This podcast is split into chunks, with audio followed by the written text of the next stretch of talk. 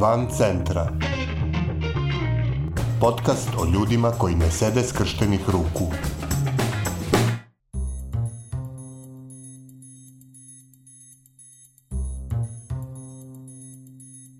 Vi slušate 32. epizodu podcasta Van centra, koji prati napore ljudi iz cele Srbije da poboljšaju kvalitet života u svojim sredinama. Lokalne vlasti u Srbiji često nisu baš najsvetliji primeri transparentnosti u trošenju novca poreskih obveznika. Ovaj problem postao je još izraženiji poslednjih godina jačanjem sve prisutne nekontrolisane vlasti jedne političke opcije i njenom dominacijom na svim nivoima državne uprave i u svim segmentima društva. Kontrolna uloga opozicije, koja je normalna u funkcionalnim demokratskim sistemima, kod nas faktički ne postoji jer je opozicijona scena uništena, razdrobljena i nemoćna da utiče na bilo šta. No to ne znači da samovolji lokalnih vlasti kod nas baš niko ne može da postavi granice. U nedostatku stranačke političke opozicije, ulogu korektiva ponašanja vlasti prinuđeni su da preuzmu sami građani, koji ne žele da budu pasivni posmatrači urušavanja sistema. Koristeći zakonske mogućnosti i sve raspoložive oblike zakonitog delovanja, samoorganizovani građani i građanke imaju moć da utiču na stvari koje ih pogađaju i koje određuju kvalitet njihovih života. O tome kako to izgleda u Požarevcu, oko kojih pitanja se aktiviraju stanovnici Braničevskog okruga i kakvi su rezultati njihovih akcija, razgovaramo s Marijom Simić-Lazarević, predstavnicom i članicom glavnog odbora udruženja Jasno i glasno iz Požarevca. E, što se tiče našeg imidža, e, bojim se da u memoriji mi smo i dalje ostali većini, barem sredovečnih i starijih ljudi, e, kao crveni grad, odakle su potekli Slobodan Milošević i Mira Marković. Što se tiče same situacije u gradu, može da se kaže da su takozvane socijalističke, da kažemo tako, struje. Njihova pozicija, rekla bih, je i dalje vrlo dobra. Mislim da imaju i dalje jedne od najboljih, ako ne najbolje rezultate u zemlji na, na izborima lokalnim, pa i naravno i republičkim koji se održavaju. E, tako da postoji jedan, eto da kažem, ekvilibrijum e, vlasti kao manje više svuda sa vladajućom strankom. Što se tiče socioekonomske situacije, mislim da postoji veliki jaz.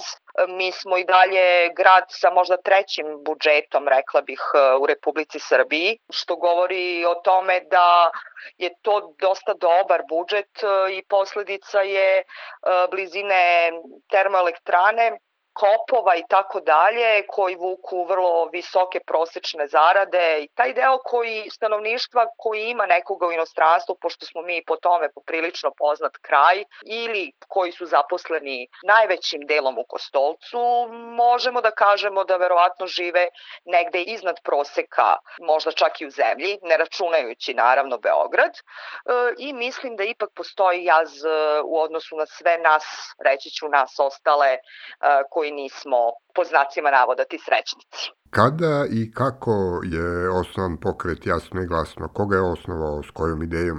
Jasno i glasno je uh, osnovan um, baš na jučerašnji dan, znači juče smo proslavili našu četvrtu godišnjicu. Uh, osnovani smo u jeku kampanje Saša Jankovića za predsednika Srbije uh, i nastali smo kao uh, ekipa tada mlađih ljudi, ajde da kažem mlađe srednje generacije. Bilo nas je devet osnivača sa backgroundom koji je opozicioni, ali u najvećem e, broju slučajeva nikakvog političkog prethodnog iskustva. Tako da smo bili poprilično prihvaćeni kao e, zanesenjaci, pošto smo odmah stali na, na neku liniju socijalne pravde, neposredne demokratije, vrlo izraženog aktivizma, e, sa recimo umerenom e, levom e, ideologijom. To je bila naša ideja, nakon toga smo se razvijali, najpre smo odmah znali da ćemo imati drugačiju strukturu od onih uobičajenih.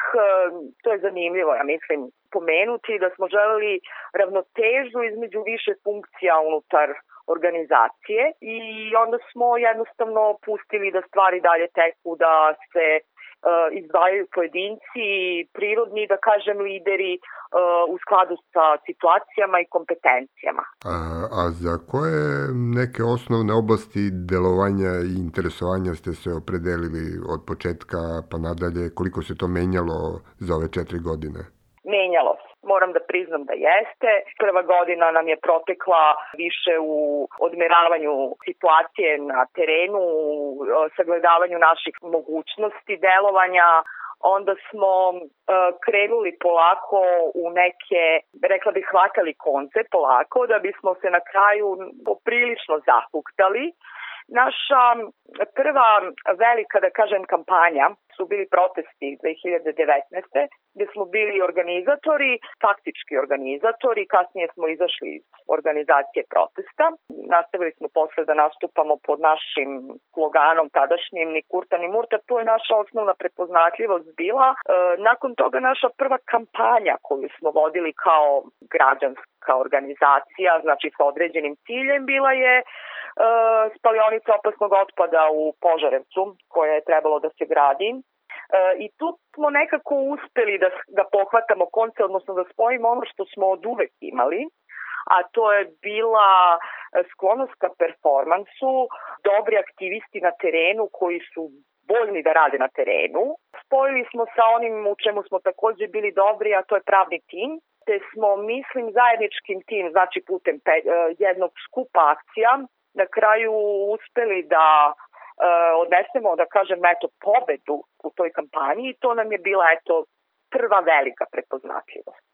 Znači, krenuli ste e, sa pričom o zaštiti životne sredine kao temom. Jeste, eko pitanja, kampanja, e, ekološka kampanja koja mislim da negde je trasirala neki naš put, ali neka nužno eko pitanjima, već u smislu modusa koji smo usvojili za dalje delovanje. A to se vidi možda najbolje u 2020. koja je, mislim, godina našeg najvećeg uspona do sada. E, dolazimo u posjed određenih e, informacija koje kasnije nastavljamo da prikupljamo u vezi jedne afere e, velikog kalibra. Direktno sam sarađivala sa institucijama tragajući za, za dokazima. Mislim da je to nalik političkom trileru do čega smo sve došli i bukvalno smo čekali poslednji dokaz, dokaz o jednom sukobu interesa da bismo kompletirali dokumentaciju od stotinak strana i da bismo uh, mogli da podnesemo tu krivičnu prijavu uh, budući da je to bila bio slučaj zakupa između gradskog javnog preduzeća Vodovod i javnog izvršitelja koji je samo 30 dana možda na, e, pre nego što je zaključen taj sporni izuzetno štetan ugovor, kupio od AIK banke jedan luksuzan prostor, prostor u Požarevcu, e, te odmah zatim znači zaključio zakup kao tobože najpovoljniji ponuđač, iako se iz dokumentacije vidi da nije bio najpovoljniji, za milion i po evra u desetogodišnjem trajanju, Tako da smo izašli sa jednim izuzetno snažnim slučajem. Ja i dalje sam uverena da će kad tad e, dobiti sudski epilog. E, koje ste još akcije ili kampanje imali prošle godine, osim tog u vezi s gradskim vodovodom? I nakon toga afera Tender, pošto imamo odličnog stručnjaka, specijalistu za javne nabavke, koji je u tenderu gradskog prevoza Eh, gde je izabrano jedno preduzeće iz Petlovače ili Kule. Došli smo do toga da je javna nabavka prosto izvršena na osnovu skandaloznih eh, grešaka tehničkih. Tu već počinje, počinju ekstremni pritisci na nas koji su sezali i u naše poslove i u pretnje koje su nam stizale u inbox vrlo brzo kom na komisiji u Beogradu je oborena, oboren tender, što je opet odjeknulo u javnosti kao uh, svojevrstan opet dokaz da naše tvrdnje su bile potpuno osnovane. Na kraju mogu da kažem da smo prošle godine vodili te neke dve zajedničke velike akcije gde smo odlučili da uključimo i druge građanske inicijative, građane koji nisu uh, unutar stranaka inicijativa, pa i stranke, uh, a koji su se ticali izgradnje jednog pirolitičkog postrojenja spalionice guma u Kostolcu, gde su nas upravo žitelji Kostolca pozvali da pomognemo, znajući za naše iskustvo sa požarevačkim ekološkim slučajem. I jako sam ponosna na tu saradnju jer se iz te saradnje stvorila između ostalog i zbog te saradnje nastala je i požarevačka ekološka organizacija SOVA, um, nastala je niz, dru, nastala je niz drugih odličnih saradnji i građana koji su koji su se pokazali kao odlični saradnici. Inicijativa Pravo na život, e, šta je to bilo? Ideja je bila da se sredstva neraspoređena iz budžeta 2020. godine, a koja nisu raspoređena iz razloga što su mnoge svečanosti i manifestacije naravno otkazane zbog e, COVID-19 e, da ih preusmerimo na neki način na, deci e, koja e, iz našeg naravno kraja prebivališta e, koja su imala poteškoće koje su zahtevale lečenje u inostranstvu. Mm, odgovor, odgovorili su nas, nam iz gradske uprave da za to ne postoje zakonske mogućnosti, mi smo dokazivali da zakonske mogućnosti postoje. Međutim, grad je i tu pokazao ono što je pokazivao i kroz sve ove prethodne naše inicijative o kojima sam pričala, gde ili ignorisao ili utvrđivao da se ne može izvesti ono što smo tražili. Ovog puta grad je odlučio da e, neutrošena sredstva uputi u Republički fond e, za lečenje. E, vi se bavite i urbanističkim planovima, konkretno generalnim planom regulacije za grad Požarevac. Istraživali smo takođe mesecima sa našim saradnicima, stručnjacima urbanističke, znači građevinske e, struke pre svega, e, koji se tiče generalnog plana regulacije Požarevac 2, koji je skandalozno urađen, potpuno je u nesaglasnosti sa Ustavom po našem sudu, e, jer izuzetno zadire u privatnu svojinu građana, a naspram toga izuzetno povlađuje investitore. Tako da smo to napali, takođe smo uputili gradu inicijativu detaljno obrazloženu zahtev da praktično ga stave van snage, e, da ne govorimo o delu uništenja kulturnih dobara koji, koji se takođe sprovodi pod e, okriljem tog plana. Naravno, ponovo nismo dobili nikakav odgovor, e, ali ja mislim da ćemo tu kampanju nastaviti pa ćemo probati eto i građanima da predočimo šta to de facto znači u praksi i koliko će oni imati posledica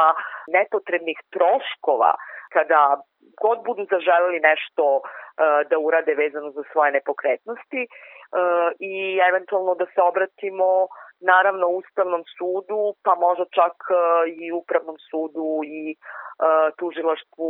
A u kakvom je generalno stanju građanski aktivizam u Požarevcu na početku treće decenije 21. veka?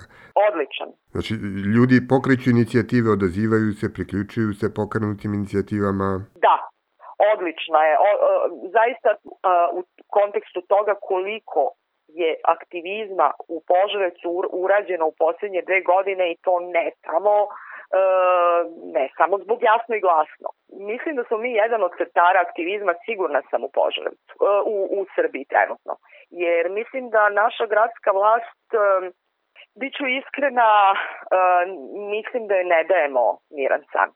Nadam se na dugi rok da će i ta komunikacija možda biti nešto drugačija ili pa kako do komunikacije ne dođe direktno, već nastavimo ovako posredno preko medija da razgovaramo, barem da naše inicijative ne dolaze, odnosno budu razmatrane sa većom pažnjom i možda i sa nekim boljim rezultatima nego što je to do sada bio slučaj. Pomenuli ste dosta nekih nepravilnosti e, kojima je obeležen rad e, uprave Požarevca. Koliko nade mislite da ima za grad u kome živite i, i u, u čemu leži ta nada? Ja da nemam nadu ne bih imala ovoliki entuzijazam i ne bih bila u aktivističkoj priči e, sa gotovo 105% svojih kapaciteta. I nisam jedina, mislim da i dosta ljudi okolo mene deli bar značajan deo tog entuzijazma. E, mislim da nada leži u ohrabrivanju to je bar moja osnovna misija. Sve ove stvari koje radimo, e, da li za ekološku zaštitu ili protiv korupcije, gde se možda i najsnažnije pozicioniramo. Sve te stvari koje, e, znači, sve te kampanje koje su stalne ili povremene, jesu izuzetno važne, ali primarna motivacija nisu one. Primarna motivacija je ohrabrivanje drugih. Vrlo sam svesna da e, nema svako životnu situaciju koja mu dozvoljava da na način na koji sam ja uradila odem u drugu profesiju, ne zato što sam situirana ili e, ne znam iz kog drugog razloga, već iz e, životnih prioriteta koje sam ja izabrala i životnih okolnosti koje imam. Ja uvek kažem kada pričamo, ne očekujem da budete, za, pričam sada o građanima Požarevca, ne očekujem da svi budu hrabri kao ja, kao, ne znam, uh, naša Nevena, Ivan, Vlada, ne, nebitno da ih ne nabrajam redom. Samo očekujem da delić te, te hrabrosti uh, bude pelter. Uprkos pretnjama, uprkos uh, onome opet o čemu sam pričala, posrednim i neposrednim ucenama. Eto. Znači, da, da ne mislim, ne bih ne bih, ne bih ovo radila, a mislim i moji saradnici. Bila je ovo epizoda Van Centra za 21. april 2021. godine. Nove priče o ljudima koji ne sede skrštenih ruku moći ćete da čujete u sredu 28. aprila. A umeđu vremenu pridržavajte se mera zaštite od koronavirusa, čuvajte svoj i tuđe živote i ne ćutite pred glupošću i nepravdom. Van Centra je autorski podcast koji se realizuje uz podršku građanskih inicijativa. Stavovi izneti u emisiji nisu nužno stavovi redakcije podcasta Van Centra, niti udruženja građanske inicijative. Redakcija Tara Petrović, Miodrag Mrkšić i Aleksandar Gubaš. Urednik i voditelj Aleksandar Gubaš. Muzika i Logical Beat i Band Sound.